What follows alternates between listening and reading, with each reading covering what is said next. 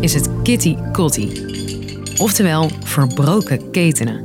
Een dag van feesten en herdenken. Vandaag herdenken we dat Nederland op deze dag in 1863 de slavernij in Suriname en de voormalige Nederlandse Antillen afschafte. Ik ben Sophie en om te begrijpen waar deze dag om draait en waarom die dit jaar extra bijzonder is, bied ik namens het college van burgemeester en wethouders excuses aan. Leg ik kort onze slavernijgeschiedenis uit. Je begrijpt, het complete verhaal uitleggen in vijf minuten, dat is onmogelijk. Lang verhaal kort. Een podcast van NOS op 3 en 3FM. In de 17e eeuw pakte WIC, de Nederlandse West-Indische Compagnie, een stuk van Brazilië af van de Portugezen. Het is een gebied met veel plantages waar tot slaafgemaakte werken. Vanaf dat moment neemt de Nederlandse slavenhandel in rap tempo toe. Om ervoor te zorgen dat er genoeg arbeiders op de nieuwe plantages werken, richt Nederland langs de Afrikaanse westkust posten in voor mensenhandel. Schepen vol wapens, drank en textiel varen er naartoe en met de opbrengst van die spullen kopen handelaren daar mensen. Het zijn Afrikaanse mensen die door mensenhandelaren in binnenlanden zijn ontvoerd.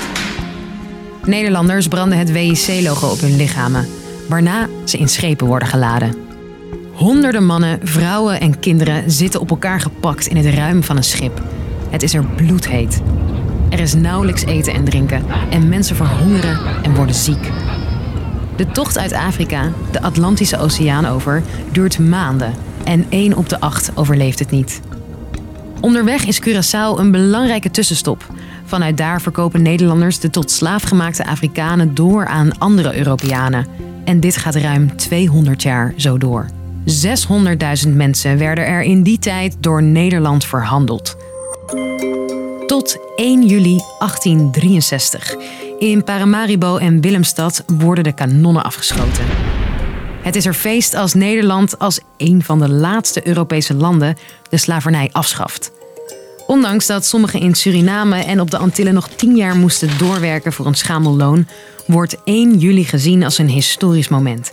En vieren we op die dag dus het einde van de slavernij tijdens Kitty Kotti. Kitty Kotti uh, betekent voor mij um, vrijheid. Vrijheid voor mijn voorouders. Vrijheid van 400 jaar onderdrukking. Maar ook vrijheid voor mezelf en iedereen die na mij komt. De nationale herdenking is ieder jaar in Amsterdam.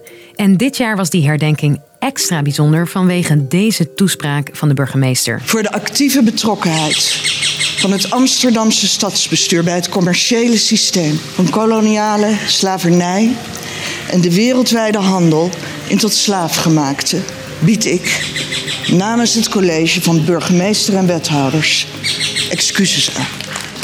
158 jaar na de afschaffing van de slavernij zijn daar de lang verwachte excuses. Amsterdam zegt dus sorry vanwege de rol die de stad vroeger speelde in de slavernij.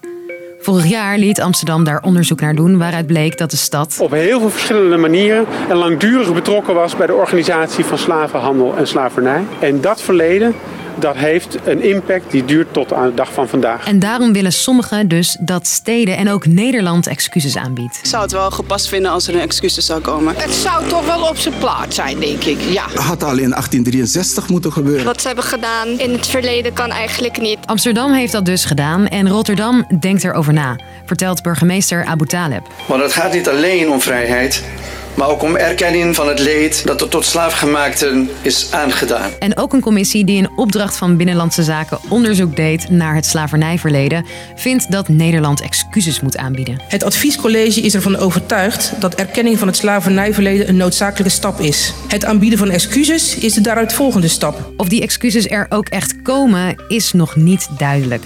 Tot nu toe zag demissionair premier Rutte dat niet zitten. Dat vind ik nogal wat om te zeggen. Ja, maar dan nog eens op terugkijkend. Mijn voorgangers hebben dat toen fout eh, gedaan. En daar bied ik dan excuses voor aan. Als kabinet hebben wij niet besloten om die excuses te maken. En ook iets meer dan de helft van Nederland is tegen het maken van excuses. Blijkt uit een peiling. Zij vinden vooral dat mensen nu niet verantwoordelijk zijn voor de acties van hun overgrootouders. Het is wel al gebeurd, dus een excuses is misschien een beetje te laat. Het is gebeurd en daardoor vind ik niet dat het op zijn plek is om de mensen van tegenwoordig daarvoor aan te spreken. Ja, je kan er nu geen sorry meer tegen zeggen, want het is gebeurd. Dus, lang verhaal kort. 1 juli wordt tijdens Kitty Kotti de afschaffing van de slavernij gevierd en herdacht.